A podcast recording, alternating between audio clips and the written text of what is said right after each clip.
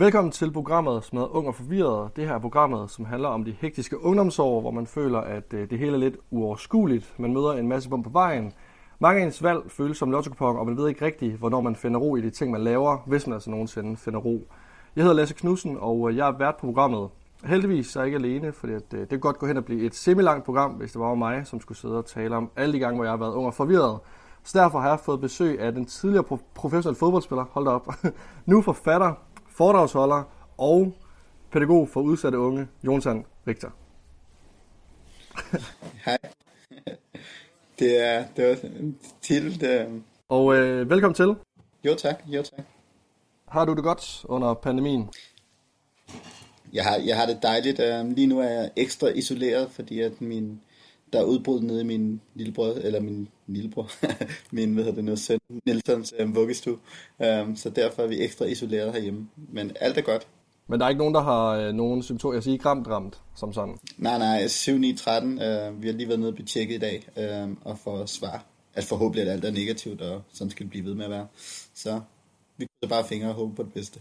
Vi krydser fingre for, at øh, ikke er blevet smittet. Det vil være noget... Øh, du kender, øh, har du selv, du har ikke været smittet endnu, så kan jeg nærmest regne ud. Nej, min tvilling, min tvillingbror har, så han, han, han sagde, det var, det var en hård omgang, så jeg har ikke tænkt mig at få det. Det er ikke, det er ikke planen. Nej, men det er også lidt det, det der med, at der er nogen, der siger, at det ikke er så, så slemt, og så er der andre, der bare siger, at det er det værste, de nogensinde har prøvet. Så jeg tænker også bare sådan, at jeg vil bare holde mig fra det. Hvis jeg kan vælge, så vil jeg gerne undgå det. Men øh, du, er, du er tidligere professionel fodboldspiller. Øh, du blev så nødt til at stoppe karrieren tilbage i 2009, da du blev, øh, da du blev ramt af et lyn under, under en træningskamp. Det kommer vi ind på senere. For øh, nu talte vi lige om, inden vi gik i gang med interviewet, nu sagde jeg et halvt år, men det var tilbage i november måned, der udgav du bogen Ramt af lynet. Øhm, ja. Hvordan var det at, øh, at udgive den her bog omkring hele historien? Øh, først og fremmest var det kæmpe stort øh, for mig at skrive en bog. Øhm, det var en bog, der har været lang tid undervejs, øhm, og jeg har skrevet den i samarbejde med min storesøster. Så først og fremmest en kæmpe stolthed at jeg står med, med bogen til sidst, og, og jeg, følte, øhm, eller jeg føler, at det er den, det er den bog, jeg vil skrive. Så det, det er jeg rigtig, rigtig glad for. Og ja, altså, det er bare, det er bare syret, at en, en som mig, som både er ordblind og fodbolds, eks-fodboldspiller og sådan noget, det var det vildeste fantasi at sige, at man skulle være forfatter. Øh, og nu står jeg her, så det, er det er jo bare fedt. Ja, præcis. Det tænker jeg også lidt sådan, det der med at kunne kalde sig selv forfatter. Altså mange har jo en eller anden forventning om, at fodboldspillere, de har nærmest øh, hættet deres hjerneceller væk under alle fodboldkampe der, og så kunne sige sådan, nu er jeg sgu forfatter. Var, det sådan, var ja, du bange for, ja. hvordan folk tog, øh, tog imod bogen? Øh, jeg tror ikke, jeg, jeg er bange for, øh, hvordan øh, folk tager imod. Selvfølgelig spændt på, hvordan, om de synes, at den, den er god og værd at læse, og så videre, og så videre, men, men jeg, for mig var det en lang proces, øh, hvor jeg brugte tre et halvt år på at ligesom bare at bruge det som en terapiform, for at ligesom bare snakke om, om alt før og efter ulykken, og min barndom og alt det, jeg har med i bagagen. Øhm, så jeg har brugt det som et, et værktøj til, at jeg også kunne komme, komme videre med mit liv, og, og det er ligesom blevet til det produkt, som er, er min bog, og det er, har givet, givet mig sådan en god, god ligesom afslutning på, på mit kapitel omkring øhm, lynet, men egentlig også bare kunne se, se mere fremad. Øhm, og så tager jeg det med, både ris og ros, øhm, som jeg får af de mennesker, der læser den. Ja, jeg skulle lige til, det var mit næste spørgsmål, det her med, hvad det har givet dig, og ligesom få hele historien ud. Altså, jeg kunne forestille mig, at der er rigtig, rigtig mange, der har spurgt dig efterhånden øh, om, om, om alle mulige spørgsmål omkring det her. Hvordan var det sådan at få det ud med dine egne ord og egen fortælling? Hvordan det hele ligesom um, har, har været? Det er, jo, det er jo dejligt at fortælle min fortælling. Uh, jeg har jo jeg har jo lavet alverdens interviews og, og så videre, så videre, men det er alle andres fortællinger om, om ham der fodboldspilleren, der blev ramt af lynet. Øhm, nu er det fortællingen om Jonathan Richter øhm, og hans liv igennem den værste krise, som jeg har været i, øhm, men også bare, hvordan jeg ser fremad øhm, og anskuer livet i dag. Så det er jo bare dejligt at, ligesom at sætte ord på, på min kamp øhm, og min fortælling. Så det er bare fedt. Inden ulykken sker her, der, øh, der er du professionel fodboldspiller, der er du egentlig også, da, da det sker. Du skrev nemlig kontrakt med FC Nordsjælland tilbage i år 2005 som, øh, som 20-årig. Har det bare altid været fodbold, øh, drømmen har været? ja, altså jeg, jeg ved det nu, tror jeg, jeg tror min familie, min, min far og sådan noget siger, at jeg har haft bolden i hovedet siden, at jeg var et år eller sådan noget. Øhm, og jeg har, en, jeg har en tvillingbror, hvor vi var to, der altid spillede fodbold og altid tænkte fodbold, og, og det gjorde vi hele vejen op til, jeg, jeg skrev under på en fuldtidskontrakt, og så blev det jo bare vildere, fordi nu var det jo også min øh, professionelle hverdag også øh, oveni, så jeg lavede jo bare drømmen, øh, da jeg skrev under på, på kontrakten der i, i 2005, er det, øh, ja, så jeg har altid spillet fodbold. Øh, ja. Har, har du egentlig altid været god til fodbold? Eller sådan, har du altid været en af de bedste? Eller var det sådan, har spillet på tredje hold, og så lige pludselig så opdagede træneren, at du kan sgu da egentlig noget med bold? øhm, øhm, ja, altså, der hvor vi voksede op og sådan noget, der har vi altid været de bedste. Øhm, mig og Simon har altid været unikke, fordi vi både var tvillinger og de der mulatdrenge, og sådan meget genkendelige, og, og meget, meget havde en virkelig, virkelig god teknik. Øhm, I så ung en alder har, og har altid været en af vores kendetegn, at vi var gode til at drible og så videre. Øhm, men da vi kom til, til Brøndby og spillede ungdomsfodbold, øhm, der var vi jo bare en del af rigtig, rigtig mange øhm, gode unge fodboldspillere. Og i periferien øhm, på, på første hold, der spillede også nogle gange anholdskampe.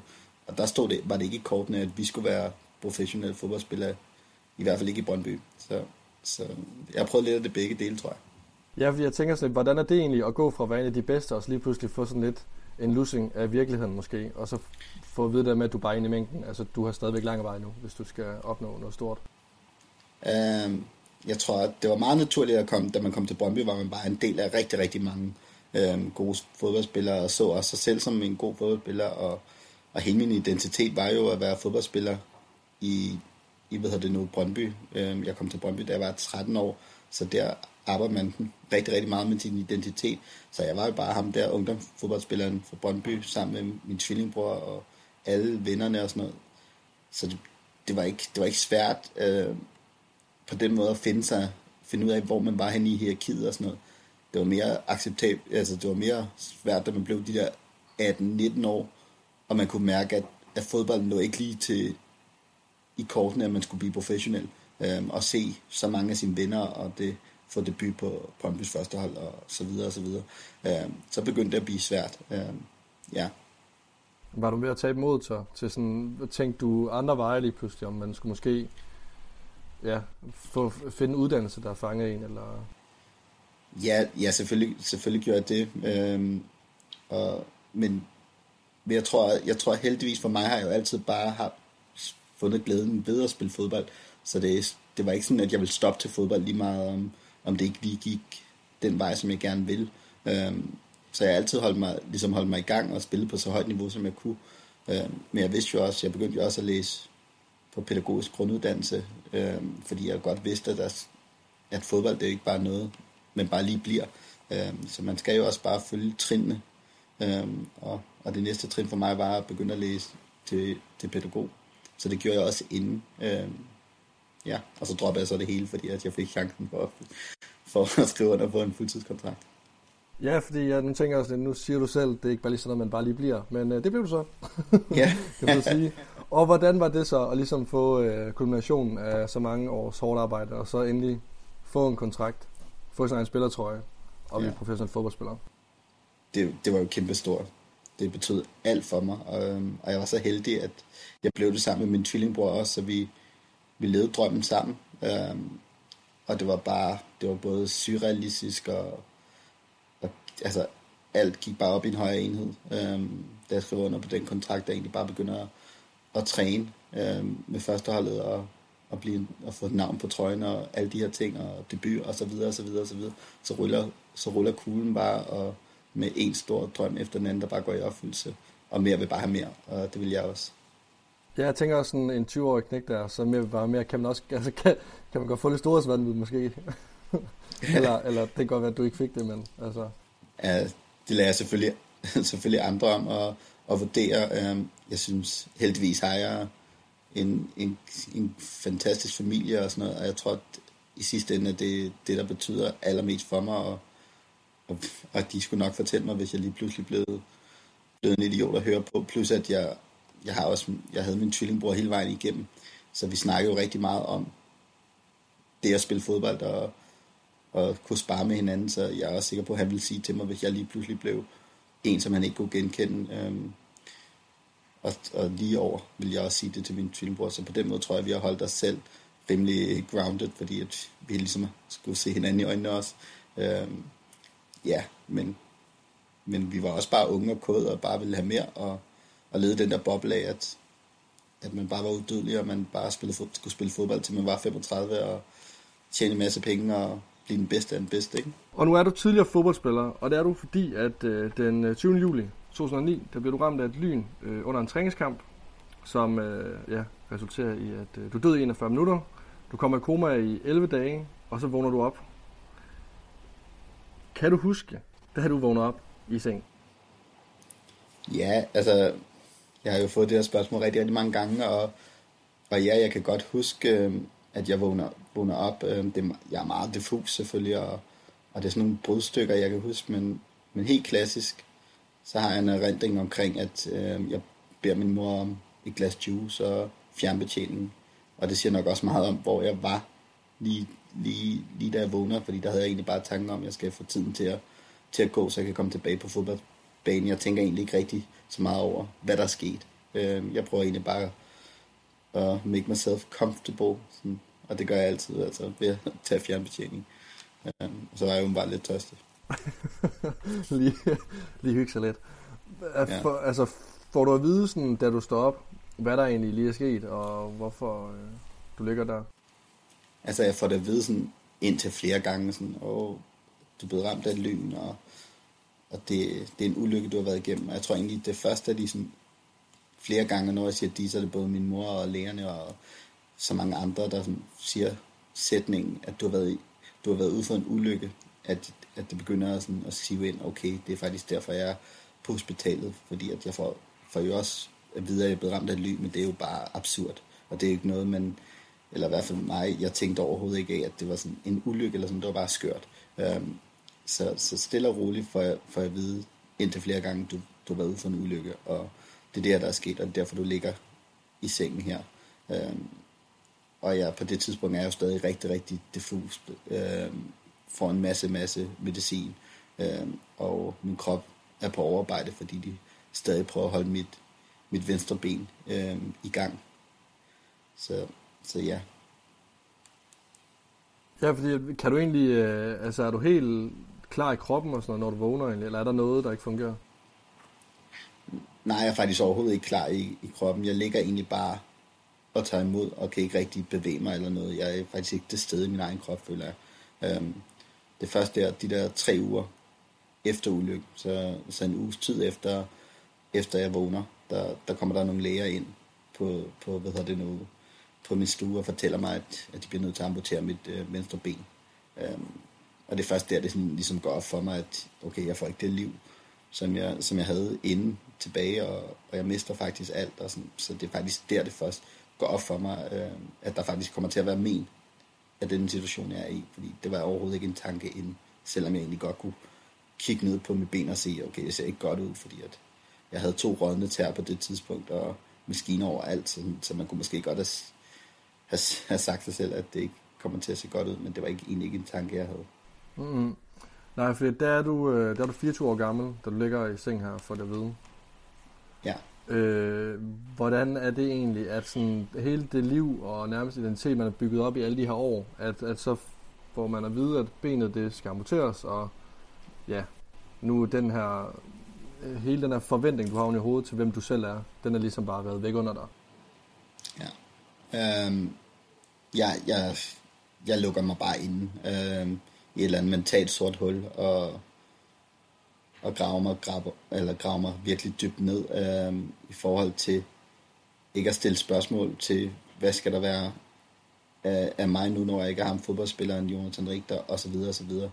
Jeg, jeg blev bare virkelig passiv og lå i, i offerrollen og, og tænkte egentlig ikke så meget øhm, på det tidspunkt. Jeg lukkede bare alt ude. Øh, og så, så gik jeg ned og bed, blev opereret nogle, nogle dage efter, og og heldigvis så begyndte jeg fysisk at få det lidt bedre, allerede fra da de havde amputeret øh, benet, fordi så var der ikke lige så mange meget min, min krop ligesom skulle, skulle arbejde for, så derfor havde jeg mere, øh, var min krop ligesom bare i bedring, så derfor mentalt begyndte jeg jo også at, at kunne være mere til stede. Det gjorde selvfølgelig rigtig, rigtig ondt, men, men det gjorde også, at, at jeg kunne på den måde begynde at, have en samtale med, med, med dem tæt på mig, fordi at jeg faktisk var lidt mere til stede. Øh, ja. Kan du huske nogle af de her tanker, du, øh, du har i sengen, mens du ligger der og er indlagt, og bare sådan nærmest kan se alt bare forsvinde? Altså, hvad, og bare sådan tænker, hvad så nu? -agtigt? Jeg er 24 år, og ja. altså, hvad skal der nu ske? Overordnet, så var det sådan en, en tanke, af, altså min tanke var tomhed. Altså, der var virkelig sådan, jeg, jeg var bare i et stort, altså lukket hul i forhold til at tænke, både tænke fremad og tænke på, på de ting, konsekvenser og tænke på alt. Øhm, det var bare, det var bare sådan, jeg tror, at det må være det tætteste, hvis andre folk kan beskrive den der ligegyldighed og, og følelsen af, okay, øh, der er ingen grund til, at jeg er her. Øh, det var også den følelse, jeg havde. Så en, så en kæmpe depression kom der fra min side i forhold til at bare, at bare tænke, at det hele var ligegyldigt. Så, nø, så overskriften var nok bare ligegyldighed øh, for mig. Ja. Ja, de er vel også nogle forventninger, du havde til dig selv, du ikke sådan rigtig kunne opnå længere, fordi at, ja, Ja, men det, det, kom, det kom først senere, øhm, når jeg begyndte at, at tage det lidt ind i forhold til at forholde mig til fremtid og forholde mig til, hvem er jeg nu og alt det her. Der er begyndt, begyndt sorgen jo selvfølgelig også at skære ind, ind i mig i forhold til at sige, okay, jeg mistede det her, og hvem er jeg så nu, og, og så videre og så videre. Øhm, og det kom jo brudstykker, så kunne det gå lige to dage, hvor der var, var en optur, en optur fordi at jeg jeg havde en god samtale med min tvillingbror eller et eller andet, og så sagde han lige det forkerte i forhold til et eller andet, øh, som lige husker mig på, at jeg faktisk lige har mistet alt øh, i form af fodbolden eller, eller noget andet. Det kunne være, at, at de skulle begynde at for, fortælle, øh, snakke om lidt om, om jeg skulle have en protese, og, og så var det en bekræftelse af, okay, jeg, skal, jeg kan ikke bare have have de sko på, jeg vil have, eller have bare tage i, i sandet i, på, på en strand eller et eller andet. Der var hele tiden sådan nogle tanker, der kom, som gjorde, gav mig et setback af, at ej, alt det, jeg har mistet, og alt, hvor uretfærdigt det var for mig, og, og så videre, og så videre, og så videre. Imens du er indlagt, så, øh, så får du også øh, stomi, fordi at, øh, det er gået i tarmene på dig. Den bliver defekt, ja. eller hvordan er det? Det er, jeg, jeg ved det nu. Øhm, under, under min indlæggelse og de første 10 dage, hvor jeg er i kunstig koma, der, der opererer de også en, en meter af tyndtarmen, altså skærer den væk, fordi den er, den er gået i forrådnelse, øh, og ligeledes fjerner de min galleblære. Øh, så, de, så de binder ligesom min tarm op til, til den her stomi, som jeg skal have på maven her. Øh, som, og det er nok også af, at jeg ikke overhovedet ikke er mobil, så det vil heller ikke give mening øh, for mig, at, at kunne gå så meget på toilettet og sådan noget. Øhm, så den havde jeg et år. Øhm, jeg blev, indlagt, jeg blev udskrevet fra hospitalet efter et halvt år. Og så var mere ude i samfundet i over et halvt år med stomi. Øhm, jeg har kæmpe respekt til de folk, som, som lever hver dag med, med stomi. Det, det var et kæmpe handicap for mig, og, og jeg tænker bare, wow, hvor skal man bygge sig selv op, øhm, når, hvis man lever med det, og, og, og de er bevis hver eneste dag på, at man godt kan leve med de sværeste ting og få det bedste ud af det det, det er dybt respekt for. Ja, for jeg, det var også det, jeg ville lige spørge dig om, det her med, at, at, at lige pludselig skulle, øh, skulle leve et liv med stomi ude, i, øh, ude sammen med andre, og, og altså, fordi det er så tabu, øh, stomi, og det skal det jo ikke selvfølgelig ja. være, fordi der er flere flere, der får det, men altså, hvordan var det lige pludselig at, at skulle være blandt andre, ja. og have stomi som 24 25 år, hvor man egentlig tænker, det er vel den alder, hvor jeg i hvert fald føler, man tænker ja. meget om, hvad, hvordan andre ser en som person. Præcis. Øhm, det, var et kæmpe, det var et kæmpe handicap for mig, og en kæmpe begrænsning. Øhm, det, var, det var okay, da jeg lå inde på hospitalet. Det forstærkede mig bare i, i min offerrolle. Øhm, så så der, der passer nok meget ind i den profil, hvor at man ligger på hospitalet og bare har ondt af sig selv og sådan noget. Øhm, men når man skal, for mig skulle begynde at komme ud og være lidt mere proaktiv omkring, at jeg godt vil fremad, så kigger jeg jo helt tiden ned på stomin, og det bekræftede mig i alt det, øh, jeg har mistet i forhold til fodbold og sådan noget, men egentlig også bare, at jeg ikke bare kunne komme ud og være den gamle Jonas. Det synes jeg ikke, jeg kunne i hvert fald.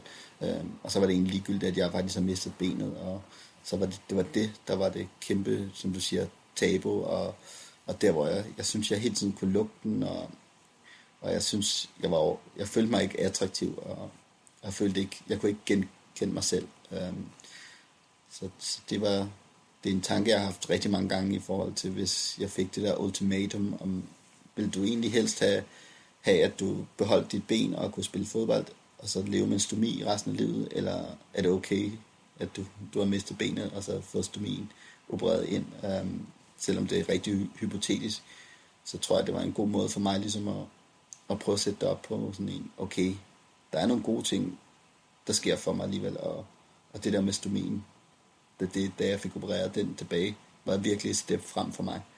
Øh, så det var fedt at se, at der, det godt kunne gå lidt min vej igen. Øh, efter et rigtig, rigtig hårdt første år, øh, hvor jeg egentlig bare blev bekræftet hele tiden i alt det, jeg havde mistet, og jeg synes, det var svært at se fremad. Ja, fordi at ikke nok med, at du også mister lidt den karriere, du havde set frem til, så rammer den her usikkerhed også lidt sådan, ikke omkring fremtiden, men mere sådan dig som person. Altså nu er du en helt anden, og ja, Jonas med meget. stomi og mangler et ben, og altså var du, altså det, ja. Det var ret. uh, ja, det var, jeg skulle finde mig selv, uh, som jeg sagde tidligere, det der med, at jeg havde lukket, lukket, lukke mine følelser og de perspektiver på, hvem er jeg nu, hvis jeg ikke har ham fodboldspilleren Jonathan Richter, dem, de spørgsmål havde jeg ikke sat mig selv. Der i starten, der var det egentlig bare sådan fokus på, okay, de siger, at jeg skal gå ned og styrketræne, så det gør jeg det, og, og gør de ting, jeg får besked på, øhm, og, og ser glæden i min, i min families øjne over, at de kan se, at der er fremgang, selvom jeg ikke selv synes, at der var noget at råbe hurra for. Øhm, fordi at jeg hele tiden gik med den der følelse af, oh, nej, alle de spørgsmål, jeg skal til at stille mig selv og forholde mig til, øh, de er lige rundt om hjørnet. Så det kom, da jeg begyndte at skulle ud i, i samfundet igen, øh, der var, ikke var ham, Jonathan Richter på hospitalet med, men nu var jeg ham, som var tilbage i sin lejlighed og, og skulle stille og roligt begynde at, at få det bedste ud af livet. Øh, ja. Ja, fordi hvordan var det egentlig den her overgang her til at, til at være indlagt og så komme ud øh, i samfundet igen? Fordi at når man, jeg kan forestille mig, når man ligger på et sygehus, så er det så er der mange flere ting, man synes egentlig, der er okay, fordi at når man er på, på et sygehus, så er man jo syg. Men når man mm. er ude i samfundet igen, så vil man også godt være den gode gamle igen. Den her ja. overgang til her at blive, øh, altså motivation til at komme i gang igen, og, og altså det med, at man føler, at man har mistet sig selv, og skal prøve at finde sig selv, sig, sig selv igen. Ja, øh, det, var, det var en kæmpe omvæltning for mig, at, at bare komme tilbage i min lejlighed efter at ligge et halvt år på hospitalet.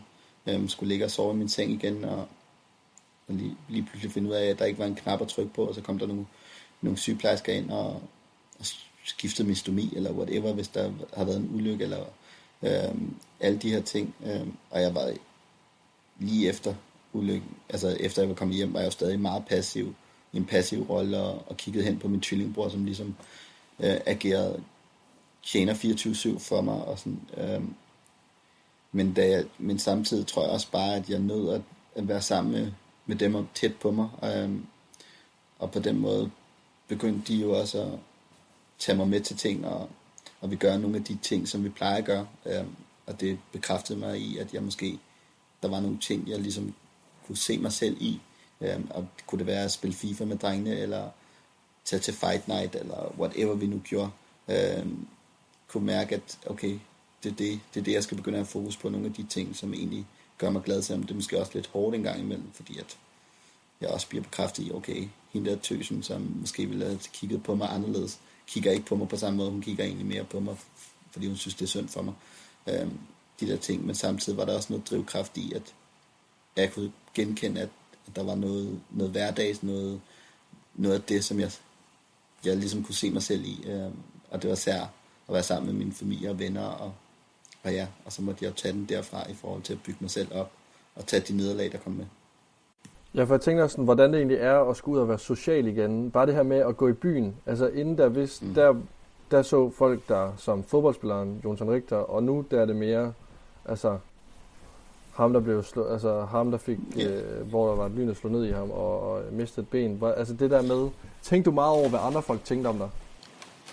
Yes, øhm, selvfølgelig gør, gjorde jeg det. Øhm, og jeg, altså, det var også fedt, da jeg, jeg gik fra at ikke at sidde i kørestolen mere, når vi var ude til at kunne stå på, på min protese øh, med krykker til, jeg ikke havde krykker mere, øh, og kunne gemme mig mere og mere og mere, øh, og ligne Simon mere og mere.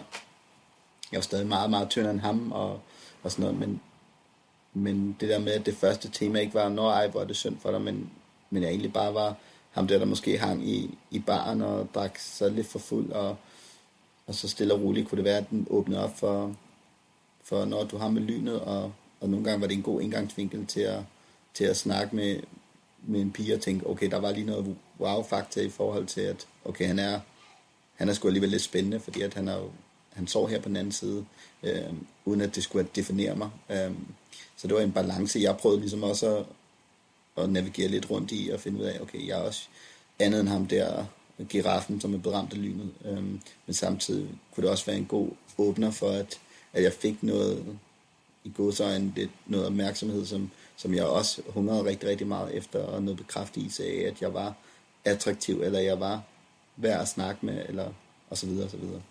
Ja. Nu taler du selv om opmærksomhed og bekræftelse. Hvordan var det så med at få medlidenhed? Altså jeg kunne forestille mig, at det var måske meget rart til at starte med, men hvis, altså, når den fortsætter og fortsætter og fortsætter, hvordan er det så? Ja, det var, som du siger, øh, det er jo kunstigt. Øh, jeg valgte meget, jeg valgte selv at være rigtig, rigtig passiv i hele, hele forløbet på, på hospitalet, fordi jeg ikke kunne overskue andet, og jeg, altså, der var, jeg, der var, der var kæmpe tab og alle de her ting, som jeg ikke kunne forholde mig til, men det jeg kunne forholde mig til, det var bare at lave ingenting, og sidde og, og, og bare tage imod, og bare sige, nå, og høre alle de sætninger, ej, hvor er det synd for dig.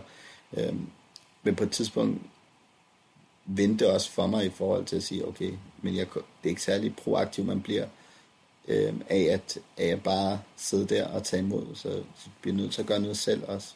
Øhm, heldigvis for mig, tror jeg, selvom jeg var meget passiv og sådan noget, så gjorde jeg stadig de ting, der blev sagt, så, så der var stadig en fremgang, sådan, både rent fysisk af, at jeg kunne begynde at gå på en protese, og jeg, jeg tog på alle de her ting. Og det gjorde jeg jo selv, selvom jeg ikke sådan, stadig var meget passiv i måden, jeg agerede øh, over for især min familie øh, og dem tættest på mig. Så ja, så det var, det var sådan en, en proces, hvor jeg i, i starten tog rigtig meget bare ja, imod liden. Det var fint nok og sådan noget, men, men jeg tror, når det skal være ægte, så skal man jo også høre det, for, øh, høre de der lidt hårde ting fra, fra dem tæt på en, og ja, det, jeg ved ikke, hvornår det præcis vendte, men mm. ja. Hvad var egentlig selve drivkraften for sådan at komme tilbage igen? Altså hvad var motivationen? Nu når det eneste, der rigtig har motiveret dig, det er fodbolden, og den blev ligesom taget fra dig. Ja, det er jo selvfølgelig også noget af det, jeg prøver at samle op i, i bogen, og sådan, hvad, hvad gjorde egentlig, at jeg, på trods af, at, at jeg var helt nede i det sorte hul, som jeg var, alligevel, alligevel gjorde noget, øh, noget for, for at komme fremad. Øh, og der tror jeg bare, at, at jeg voksede op øh, med sådan en lidt, en, en eller anden mantra omkring, at det mindste, man gør, kan gøre, det er at kæmpe for, for, for, for de ting, der er lige foran en. Og for mig var det øh, familien og vennerne. Øh, så jeg så den glæde i min mors øjne, når hun, når hun kiggede på mig og var, og var helt lykkelig over, at jeg var overlevet øh, det, jeg havde været igennem. Og, eller en snak, jeg havde med, ty, øh, med min tvillingbror måske, øh, omkring, at jeg havde taget 5 km mere, end jeg gjorde i går, eller sådan noget. Det var, det var, ikke, det var ikke, fordi det var en decideret motivation for mig, men, men det var stadig en drivkraft omkring, at, at jeg gjorde det stadig, øh, fordi jeg følte ikke, jeg kunne tillade mig andet, end at, end at gøre det, lærerne sagde, jeg skulle gøre, og samtidig være, være stærk for min, for min familie og venner og gøre, gøre det. Det var det mindste, jeg kunne gøre, det var ja, bare at kæmpe videre. Kan du, kan du egentlig huske, hvornår du sådan begynder at, at, at drømme igen og få forventninger til dig selv igen? Øhm, lige som du har haft drømme igennem hele din ungdom med at blive professionel fodboldspiller og har forventninger til, at det skal nok komme en dag, hvis, det bare, hvis du bare giver Øhm. eller arbejder nok for det.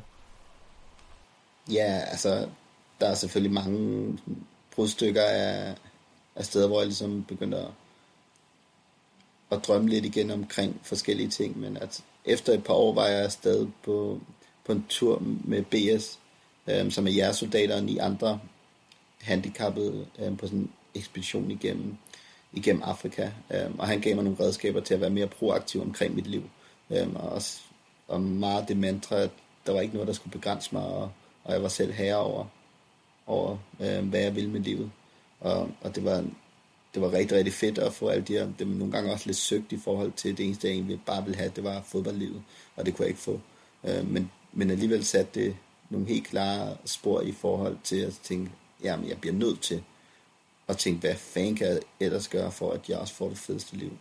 Øhm, og, i, og så i kvæg af, at jeg var mere sammen med, med, med mine venner og begyndte at, at hygge mig mere på, på et niveau, som jeg, jeg havde det for fedt med. Det kunne være at tage til VM i Sydafrika med mine bedste venner, eller på Roskilde Festival, eller nogle af de her ting, og, og være sammen med piger igen, og, og sådan nogle af de her ting, som ligesom var med til at, til at gøre, at jeg, jeg følte, at jeg kunne sådan begynde at se, se noget mening med, med livet igen, og se en fremgang. Øh, fordi jeg også altid nok har vidst, at det at være professionel fodboldspiller, det var, det var kun på låntid. Det var til, at jeg max var 35. Øh, så det, det, var, det var hårdt selvfølgelig at miste drømmen, men samtidig var det også en, en sådan en lidt, okay, der sker altså, ulykker i fodboldverdenen hver eneste dag. Der er hele tiden ny, der bliver fodboldinvalid og sådan noget. Så det, og jeg har også oplevet nogle af mine tætteste venner blive det. Så det, jeg tror, jeg tror hurtigt, jeg kom på til sådan, sådan en erkendelse af, okay, nu var jeg også bare en af, en af dem. Det, der er hårdt for mig, øhm, og stadig er en gang imellem i dag, det er, at jeg ikke kan spille fodbold på et niveau, der stimulerer mig øhm, op, op i hovedet, fordi jeg kan de samme ting, som, som jeg kunne dengang op i hovedet. Det kommer bare ikke ned til fysisk, og jeg vil ønske, at jeg kunne spille fodbold, hyggebold med, med mine venner i dag og spille til jeg var 60. Altså, det er 80. Øhm, ja, så det, det er egentlig mere det, der, der kan gøre mig ked af det i forhold til fodbolden. Øhm, det der med at være professionel fodboldspiller, det var da bare nederen, jeg ikke kunne, blive ved med at leve drømmen, men det var hurtigt, synes jeg, hurtigt i godsøjne, men, men det kom hurtigt til en erkendelse af, at okay, det var bare ikke det, jeg skulle. Ja, fordi også det med, at, at, at du lige pludselig opdager, at der er også mange andre ting, og du kan faktisk, nu har du mulighed for at tage til Roskilde Festival og drikke dig mega fuld. Øh, og... Det gjorde jeg også før, men ikke, Nå, det gjorde du også før? Samme, du... Ja, ikke på samme, ikke på samme niveau, men ja, jeg havde, jeg havde det enkelt år, hvor jeg var, jeg var skadet med et korsbånd, så der fik den chancen. Men i øh, hvert fald det her med at hygge sig mere i sin fritid. Med, jeg, jeg ved ikke, om du var på Crazy Daisy hver lørdag, også selvom du var fodboldspiller, men i hvert fald sådan, det her med at kunne gå i byen oftere og hygge sig lidt mere, ikke sådan, altså en stram hverdag. Øh, for ja, det skal man jo også huske på, at der er som fodboldspiller jo. Præcis. Og, øh, og du opdagede lige pludselig sådan den her nye verden, der lige, altså ikke at du, du vidste jo godt alt det, det fandtes jo, det var ikke fordi, at øh, du først op, opdagede en øl øh, en alder 25, men altså den her nye verden, der ligesom åbner, åbner sig. Præcis. Øh, hvordan var det egentlig? Altså det her med, at øh, nu er det et nyt liv, altså nu er det helt ny øh, hverdag øhm, og nye weekender. Og... For mig var det sådan meget studielivet, der var, der var noget nyt for mig. Jeg kan, kunne godt lide at være studerende og, og stå op om morgenen og tænke på, okay, jeg skal, jeg skal også tænke på, hvad jeg har på, fordi jeg skal også se godt ud over i skolen, og, øh, og der er fredagsbar i, i den her uge, og og, ja, og der er også nogle lektier, og jeg skal også stræbe efter at få de bedste karakterer og skal videre. Det var, det var også en motivation for mig. Øhm, ligeledes første gang, jeg kom op og, og stod på ski øhm, og prøvede det igen, det var en af de der drivkræfter, hvor jeg tænkte, okay, det kunne jeg ikke, da jeg spillede fodbold. Nu, nu kan jeg stå på ski og sådan noget. Det var så, så der kom sådan nogle små aha-oplevelser omkring, det er det fedt, og det, det er noget af det, jeg, jeg ikke gjorde, da jeg, da jeg spillede fodbold. Så det er på bekostning af det jeg spille fodbold. Så så det, det, det synes jeg var, var motiverende. Øhm, ja. Ja, nu siger du også, at du starter på en, på en, på en uddannelse og øh, starter på at studere, øh, der er i midt-20'erne. Hvordan var det lige pl- pludselig at skulle starte et studieliv øh, og komme ind? Øh, ja, altså, folk havde nok godt hørt om, hvad der var, var sket. Øh, det her med, at man ikke, altså det her med, at øh, man ikke kender folk, men, men folk nærmest godt ved, hvem du er. Ja, altså, jeg havde ikke følelsen af, at jeg kom ind, og så var jeg var ham der giraffen over, hvor folk tænkte sådan, sådan synes jeg ikke, det var. Øhm, det var egentlig mere, at jeg var måske var ham der, der havde den der vilde historie til fredagsbarnet, og sådan, okay, hvorfor går han der, han halter lidt, og sådan. Nå, okay.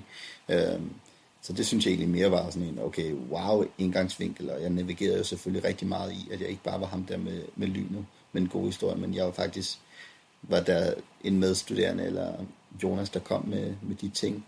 Men det var jo det var svært for mig at starte øh, på studiet, også fordi jeg var faglig så meget bagud. Jeg, jeg er overblind også, og det var en kæmpe begrænsning for mig i forhold til ligesom at starte og skulle til at læse HF enkeltfag og sådan noget.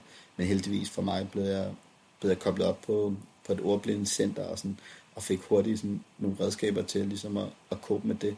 Så det gjorde også, at jeg sådan fik mere mod på, på hele det der studieliv, og, og det resulterede i også, at jeg tog en pædagoguddannelse og, og uddanne mig projektleder nu og sådan noget. Så det, det er jo rigtig fint, at, at jeg på den måde fik, fik de rigtige trin øh, frem, fordi jeg kunne også have knækket nakken hurtigt, hvis det var, at det gik lidt for stærkt, tror jeg, jeg ikke havde fået en bekræftelse af, at jeg, jeg har det her kæmpe handicap, som ordblindhed er, og, og det gælder bare om at finde nogle redskaber til det. Øhm, så jeg fik bare en rigtig god studiestart, og det gjorde, at jeg fik rigtig meget mere mod på det.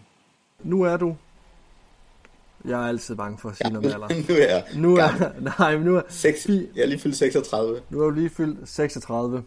Øhm, du er ikke gammel, vil jeg ikke sige. Ikke? nu er jeg 23, men du er ikke gammel. Øhm, hvordan er livet nu? Nu er du ligesom øh, altså har job og børn, kan ja. jeg høre. Ja. Kone, øh, også. Livet, livet er godt. Øh, ja, jeg, jeg er uddannet pædagog, øh, og arbejder med udsatte unge ude i boligområdet i, i Valby, og det er jeg super glad for. Øhm, og så er jeg gift øh, med min fantastiske hustru Rikke, og har to børn. Nielsen og Kaja på, på to og ni måneder, så, så der er fart på. Øhm, og så som sagt øh, også forfatter nu og, og laver foredrag og sådan noget, så jeg synes egentlig, at, at det spiller for mig, og jeg har et rigtig, rigtig fyldsgørende liv, og virkelig glad for alt det, jeg har opnået. Øh, både professionelt, men, men især privat. Tænker du egentlig nogensinde øh, stadigvæk den dag i dag som 36 år, sådan, er du, kan man godt stadigvæk være sådan lidt, for helvede mand, altså, hvorfor? Seriøst. Øhm, jeg tror egentlig ikke, øhm, som, som jeg også nævnte, øhm, så er de fleste fodboldspillere, øhm, deres karriere slutter som maks 35 år og sådan noget, så så de venner, jeg også har i fodboldverdenen, og det er de færreste, jeg har, dem, som stadig spiller i dag. Øhm, så på den måde er referencerammen der ikke på samme måde som før.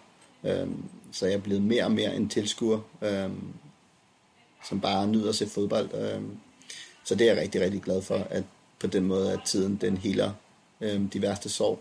Øhm, og som jeg også nævnte, det der egentlig kan gøre ondt, når jeg tænker fodbold, så det er egentlig mere det der med, at jeg ikke kan kan spille med min søn Nielsen øh, på et niveau, hvor, at, hvor jeg kan stimulere ham. Øh, både stimulere ham, men også stimulere mig selv øh, i forhold til, at jeg kan det hele op, op i hovedet. Heldigvis er han totalt bitter bolden, så jeg håber på, at der er rigtig, rigtig mange fodboldkampe, jeg skal ud og se, hvor jeg kan, kan spare med ham i forhold til, at han kan blive den bedste udgave af sig selv. Det kunne være fedt. Står der en far ude på sidelinjen der råber?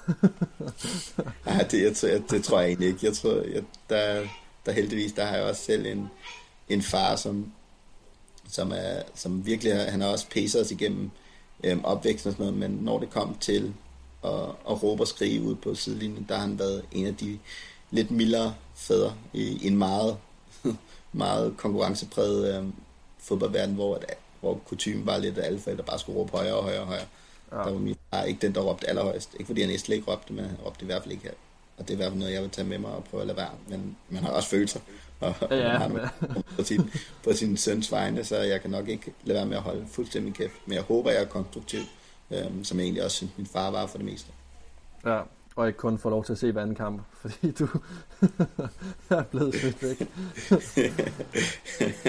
kan du egentlig, øh, går du til noget sport i dag? Kan du dyrke noget sport? Øh, nu ved jeg godt, at din krop fungerer, men ja. Øh, ja øh, dyrker du nogen form for sport i dag?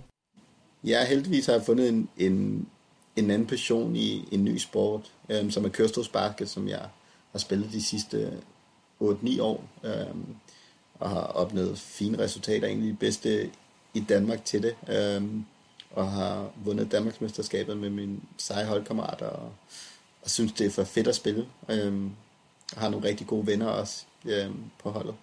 Selvfølgelig er jeg også totalt restløs nu, fordi vi ikke har spillet i tre måneder, eller whatever det nu er. Øh, så det, det glæder mig til, at, at hallerne åbner igen, og jeg kan til at spille noget kørestolsbasket igen. Selvfølgelig er jeg også lige blevet far til nummer to også, så det begrænser meget tid, jeg har, og kan ikke træne de der tre gange, som jeg gjorde der i starten, hvor jeg ikke har nogen børn og, og hustru og så videre og så videre, og bog og alt det der, ikke? Så, så tiden, den er knap, synes jeg, men, men jeg prøver at få tid til i hvert fald at komme ud en gang om ugen og spille, og så kigger øh, Rikke også på mig og siger, nu skal du ud, nu skal du over i handen og spille lidt, hvis man kan godt se, at, at det er nok bedst, at jeg lige kommer lidt ud. Uh, ja, så det, det glæder mig til, det åbner igen, det hele, ja. så jeg kan spille. Det forstår jeg sgu godt. Så hopper jeg bare ud i forskellige udfordringer, står på ski og, og, og løber missionsløb og sådan noget der, for at presse mig selv og presse min krop og finde ud af, hvad jeg egentlig kan øh, med det handicap, jeg nu har. Ja. fordi jeg kunne forestille mig også, det her, den der adrenalinfølelse, man, man får at gå på, for, øh, gå, gå på fodboldbanen, og også bare selve øh, under kampene og sådan noget. Søger du stadigvæk den i dag? Og, og, og, og, og kan du få den på samme måde? Øhm, nej, altså, jeg synes ikke, jeg kan, jeg kan nok ikke få den 100% på samme måde. Øhm, det er nok mest altså sådan spændingsniveauet i forhold til, når jeg skal spille en kamp, køre så bare, at jeg skal spille en DM-finale eller sådan noget. Der kan jeg selvfølgelig godt mærke adrenalinen og, og prøve at, at, at have et spændingsniveau, som, som jeg, som jeg arbejder rigtig meget med og har gjort det, da, vi, da, vi, da jeg også spillede fodbold på højst niveau. Øhm, og der kan jeg jo selvfølgelig mærke, at jeg lever ekstra meget. Øhm, men det er ikke noget, jeg går og stræber efter at få hver dag, fordi det, det er kunstigt. Øhm, jeg ved godt, at at leve drømmen som professionel fodboldspiller, og, og alt den, altså, alle de, de ved det nu, muligheder, man har for hele tiden at komme op i det der spændingsniveau og den der adrenalinkick, det, det får man jo bare ikke. Øh, det gør jeg i hvert fald ikke i, i så meget andet lige sådan på den måde. Øh, det ville være helt kunstigt, hvis jeg skulle søge efter det hver eneste dag. Jeg tror også, det er der, at der, der er mange, som har levet fodbolddrømmen, som knækker nakken og, og rører ned i et depressivt hul, fordi at de søger og tror, de kan få det hver eneste dag. Øh, den glæde, man måske fik for, på fodboldbanen eller, eller andet. Det kan jeg nemlig godt sætte mig ind i. Det var, det var fede tid. Ja, det forstår jeg sgu godt. Nu er du som sagt 36 år gammel. Var, er der noget, du, øh, sådan, hvis du nu så dig selv, stå ved siden af sengen, der er der vågnet op ja. i sengen 24 år, noget du sådan vil sige til dit 24-årige jeg, der vågner op og tænker, kæft mand, det har det været med, med et langt liv? Ja, jeg, altså, jeg vil, jeg vil i hvert fald starte med at, at, at anerkende, øh, anerkende mig i det, den der de, destruktive tanke øh, og depressiv, øh, depressiv mode, man er i, fordi at, jeg kunne ikke forestille, at man ikke er i det, fordi at man har, altså for mit vedkommende, jeg har mistet alt, følte jeg, øh, og sådan noget. Men når, når, når tonen ligesom har lagt sig lidt og sådan noget, så, så, så vil jeg fortælle, at ved du, nu, der kommer bedre tider. Det kan godt være, at du ikke kan se det, så skal du vide, at du har familie og venner, øh, der ved dig det bedste. Og det gør, at, at der kommer bedre tider. Øh, og du kommer til at, at grine og have det for sjovt igen. Øh, og finde ud af, at, at der er så meget andet end fodbold. Meget klichéagtigt, men og derfor jeg nok vil, vil være lidt varsom om, hvornår, at fortælle, hvornår jeg skulle sige det. Men, men det ændrer ikke på faktum af, at, at det, det er det, det budskab, øh, jeg vil give videre til, til, til, det, til mit unge mig. Ja, og jeg tror også, det var det, jeg fik med mig i, i kvæg af min familie og venner, der fortalte mig, at der var noget at leve for. Fedt. Det øh, synes jeg, det lyder som øh, en god... det øh, virker meget motiverende. Det var, øh, det var fedt at øh, have dig med i dag, øh, Jonsson, og tak fordi du, øh, du vil også lige øh, sætte noget tid af, også selvom det var øh, ja, råd i karantæne. ja, det, det er dejligt. Det var fedt. Men øh, fedt, fordi du var med. Tak for dagen. Selv tak. Det var en god dag. Ikke?